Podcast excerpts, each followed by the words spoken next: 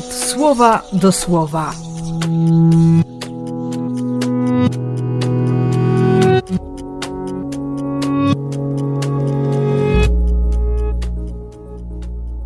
Drugi sierpnia, środa.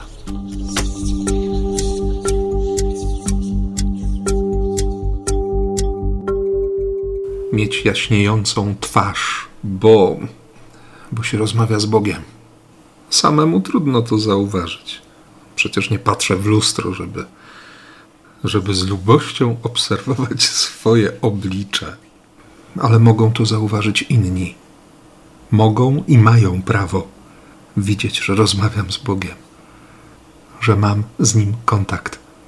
Nie musimy sobie mówić truizmów, bo przecież wiemy dobrze, i ty, i ja, że modlitwa zmienia. Zmienia serce, zmienia twarz. Nas zmienia. Potrafi sprawić, że, że cierpienie, że, że jakieś zranienia, że to, co bolesne, jakieś obce ciało w nas, otoczone łaską, miłosierdziem, może się stać najcenniejszą i najpiękniejszą perłą.